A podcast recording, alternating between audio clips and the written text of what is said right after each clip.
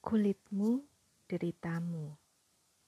Aku menyadari benar di beberapa bagian lain di dunia ini, warna kulit akan menentukan nasib kita.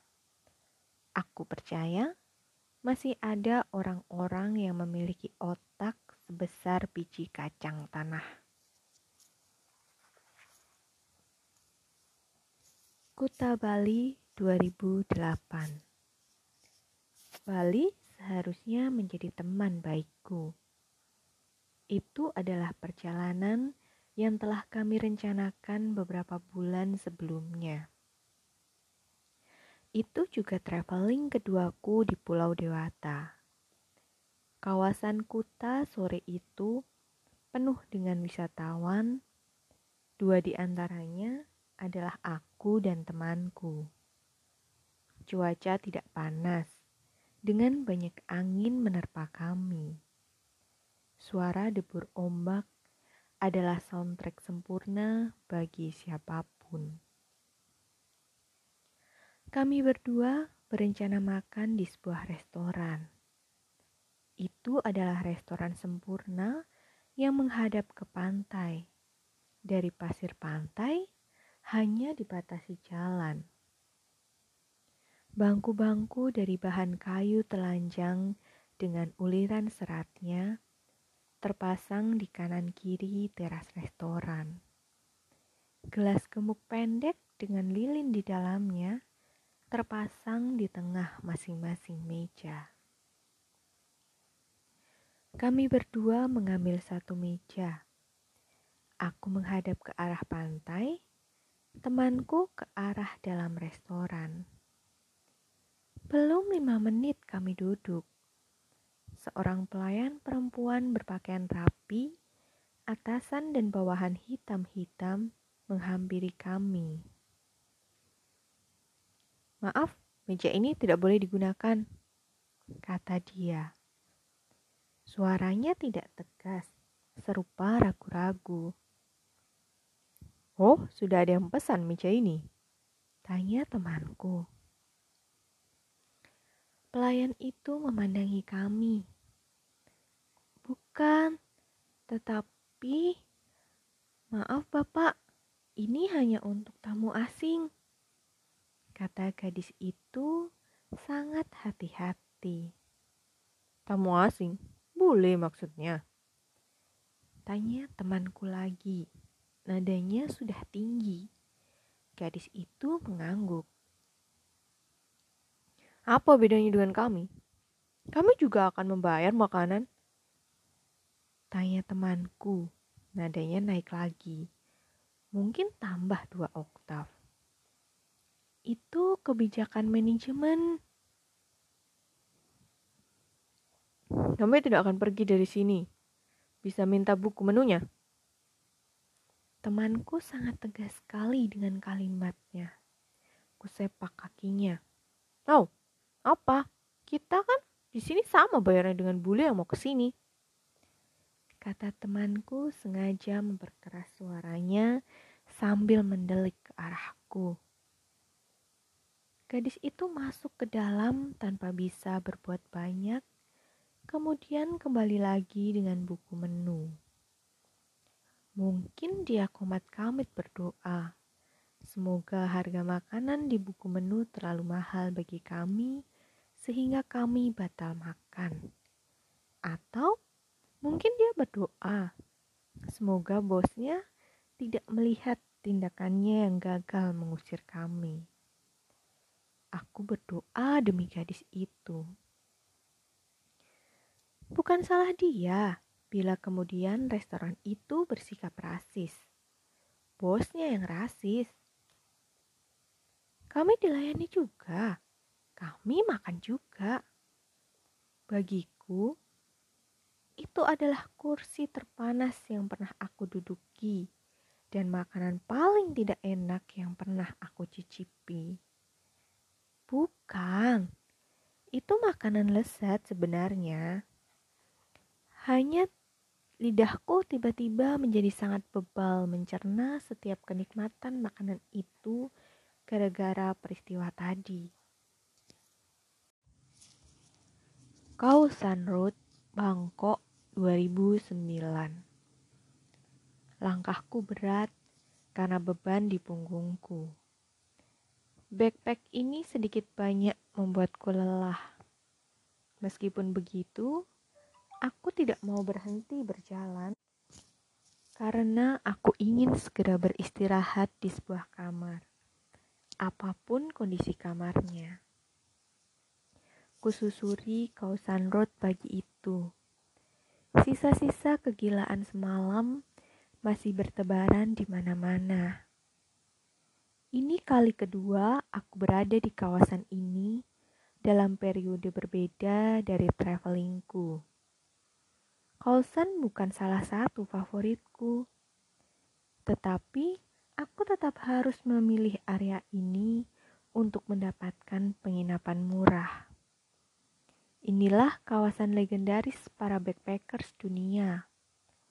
Tak heran kita akan menemukan banyak hal murah, termasuk tarif kamar. Itu masih terlalu pagi. Bahkan dua orang traveler kulit putih yang mabuk, mabuk berat dan teronggok di pinggir jalan masih belum sadarkan diri. Salah satunya perempuan. Beberapa guest host yang sudah kudapatkan infonya dari internet belum juga buka. Guest host-guest host super murah yang salah satunya ku ingat tarifnya cuma seharga 74 atau sekitar 21 ribu rupiah. Ternyata seperti rumah toko kecil, semacam rumah toko di pecinan dengan pintu di lantai dasarnya terpasang terali besi rapat. Sia-sia aku mencoba mengetuknya. Karena di belakang terali adalah rolling door.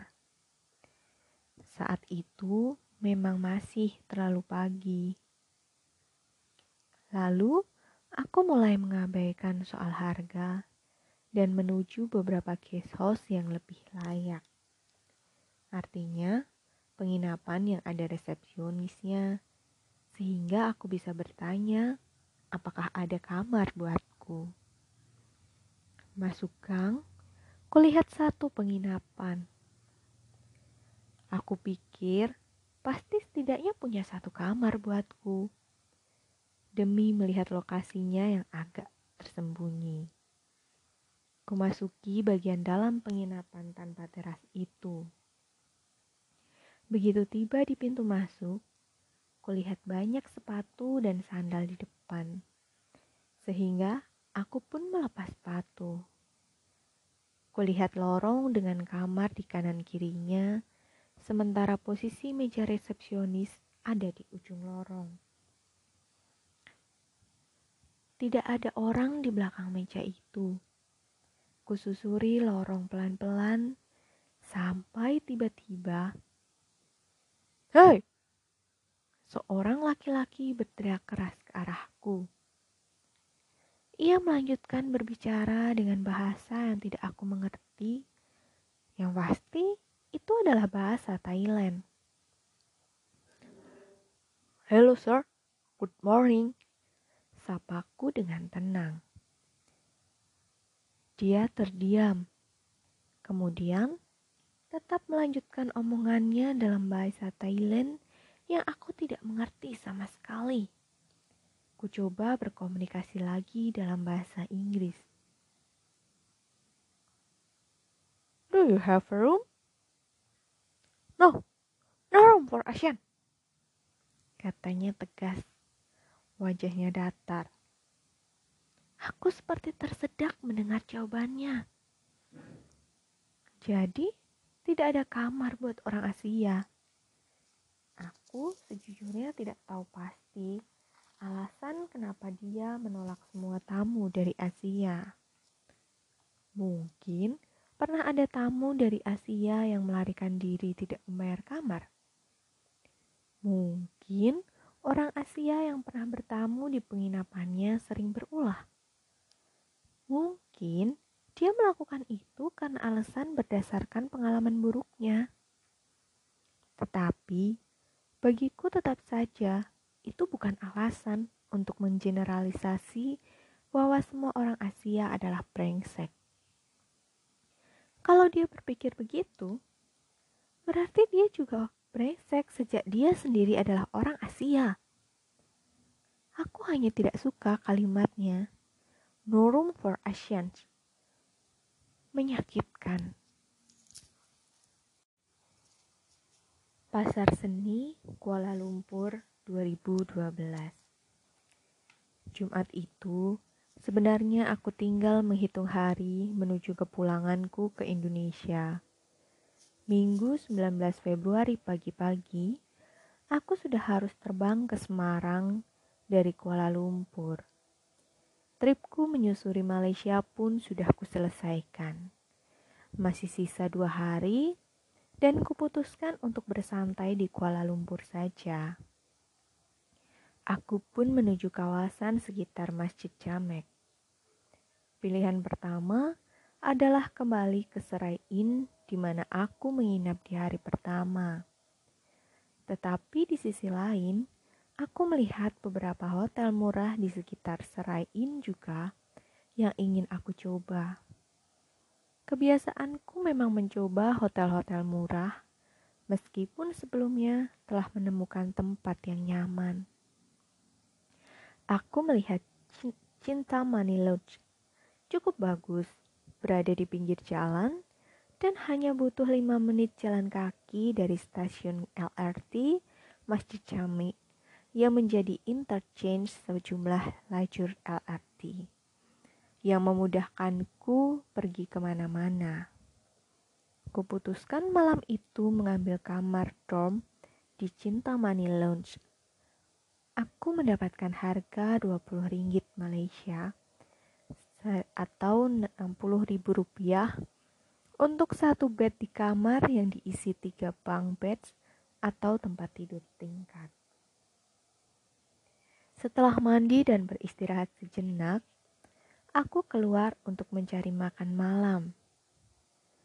Aku teringat food court di Central Market yang cukup komplit. Pukul 20.30, aku pun menuju Central Market. Untuk menuju ke sana, aku harus mengambil LRT dari stasiun LRT Masjid Jami menuju stasiun LRT Pasar Seni. Tidak jauh, hanya sekali jalan dan tidak lebih dari lima menit saja. Sudah tidak terhitung berapa kali aku turun di stasiun LRT Pasar Seni karena memang aku sering makan di food court Central Market.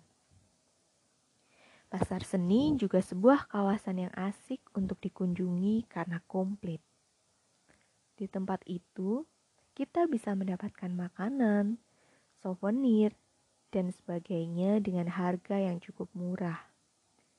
Selain itu, untuk menuju Petaling Street yang terkenal itu, yang berada di kawasan Chinatown, juga tidaklah jauh dari pasar seni.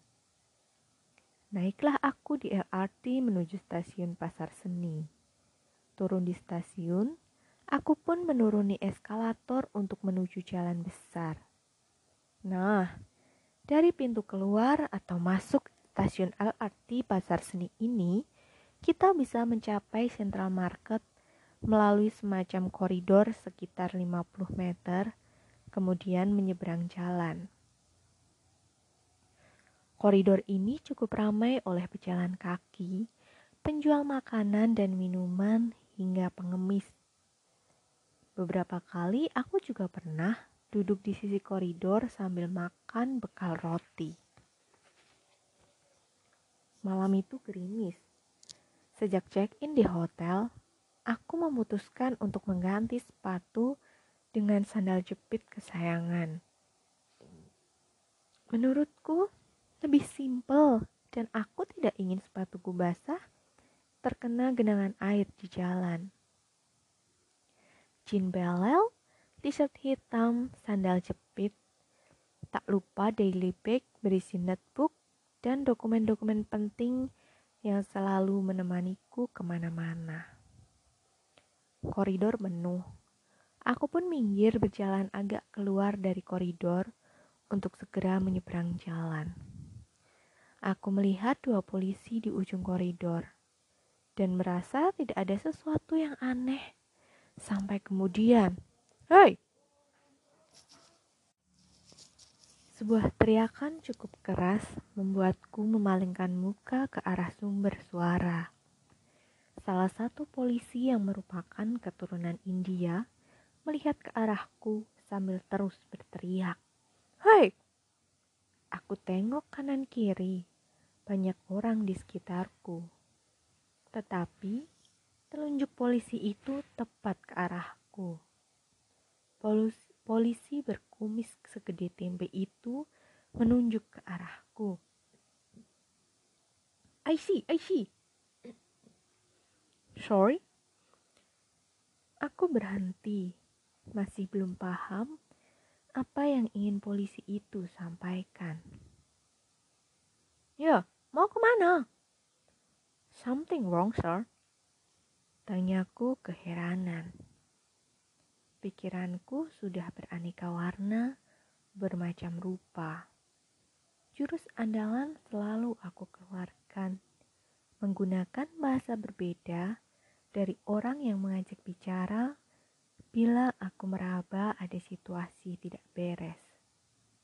Saat polisi ini menggunakan bahasa Melayu, aku menggunakan bahasa Inggris seadanya. Hey, I cakap Malaysia, you cakap English. Hardik polisi itu ke aku. I'm so sorry. Tetapi tidak mudah bagi saya untuk menangkap bahasa Melayu Anda. Ujarku sekenanya. Saat itu aku mulai emosi. Bahkan di Indonesia saja, polisi menghentikan orang selalu dengan memberi hormat. Ini main teriak saja. Kamu kerja apa? Hadiknya lagi. Boleh saya duduk. Sahutku mengabaikan pertanyaannya. Aku berpikir akan lebih baik duduk di tempat terang, berbicara dengan suasana yang lebih layak, daripada berdiri di tengah jalan, dihardik polisi, dan menjadi tontonan orang. Aku pun beringsut ke sisi koridor yang lebih terang dan duduk di sana. Polisi keturunan yang sepertinya berangkat kerja tidak pakai deodoran itu mengikutiku dari belakang. Paspor. Oke, okay, sir. Calm down. Tanganku langsung mengaduk-aduk isi daily bag. Aku sudah komat kamit saja. Mana paspor? Mana paspor? Semoga tidak ketinggalan. Mampu saja kalau paspor ketinggalan. Aku tidak tahu masalah apa yang aku hadapi. Tetapi aku percaya Paspor adalah tiketku untuk keluar dari persoalan ini. Ocha. Paspor aku serahkan, dibuka, dibolak-balik oleh si kumis tempe itu. Sementara polisi satunya yang merupakan orang Melayu mendatangi kami. Si polisi keturunan kembali bertanya, "Apa pekerjaanmu?" "Saya bekerja di Jakarta," jawabku asal. Tiba-tiba si polisi keturunan berteriak ke arahku. Kau bisa cakap Melayu, Melayu sekarang, ha? Mungkin dia jengkel karena dari awal berbicara dengannya, aku selalu berbahasa Inggris. Sejujurnya, aku sangat-sangat tidak bisa menerima perlakuan para polisi itu. Aku adalah wisatawan yang datang untuk berlibur memberikan keuntungan pada negara mereka, dan aku diperlakukan dengan sangat tidak sopan. Ini sebuah tindakan yang sangat tidak bisa aku terima untuk alasan apa pun. Mau tahu versi sopan yang bisa mereka lakukan bila memang mereka harus bertugas memeriksa orang? Begini caranya, sapa aku baik-baik bilang minta maaf, mereka harus mengganggu aku sebentar untuk keperluan kepemeriksaan rutin. Misalnya, terkait antisipasi imigran gelap atau illegal worker, minta waktu sebentar. Lalu, aku akan tersenyum manis, memberikan pasporku dengan baik-baik. Lalu, mereka mengecek. Bila memang sudah sesuai aturan, mereka bilang, "Mohon maaf atas ketidaknyamanan dan terima kasih telah meluangkan waktu untuk pemeriksaan tersebut. Tak lupa mengucapkan selamat berlibur. Itu yang harus dilakukan orang berpendidikan dan tahu sopan santun. Bukan main teriak, main gertak. Itulah mengapa aku tidak bisa terima. Saat mereka nyolot, aku pun balas nyolot. Aku tahu polisi itu pasti sebal dengan tingkahku. Tapi siapa yang mengganggu siapa? Bukankah aku yang harusnya lebih sebal? Paspor dikembalikan kepadaku. Si polisi Melayu memintaku pergi. Keduanya sama sekali tidak mengucapkan kata maaf atas ketidaknyamanan yang aku alami. Itu masalah besar buatku. Aku diam saja. Kupandangi polisi Melayu itu. Polisi satunya? Ah, aku bahkan sudah malas memandang polisi satunya yang masih di sampingku. Kenapa Anda melakukan ini kepada saya? Tanyaku dengan nada lunak. Aku tahu, saat dua orang berteriak satu sama lain, sedekat apa pun itu, keduanya tidak akan saling mendengar. Kenapa? Karena hati keduanya jauh. Maka aku mencoba berbicara dengan nada lunak kepadanya. Aku hanya butuh alasan kenapa mereka melakukan itu kepadaku. Jawab saja itu pemeriksaan rutin yang menjadi tugas mereka dan memilih orang di jalan secara random. Maka aku akan pergi. Apakah ini yang selalu dilakukan terhadap turis?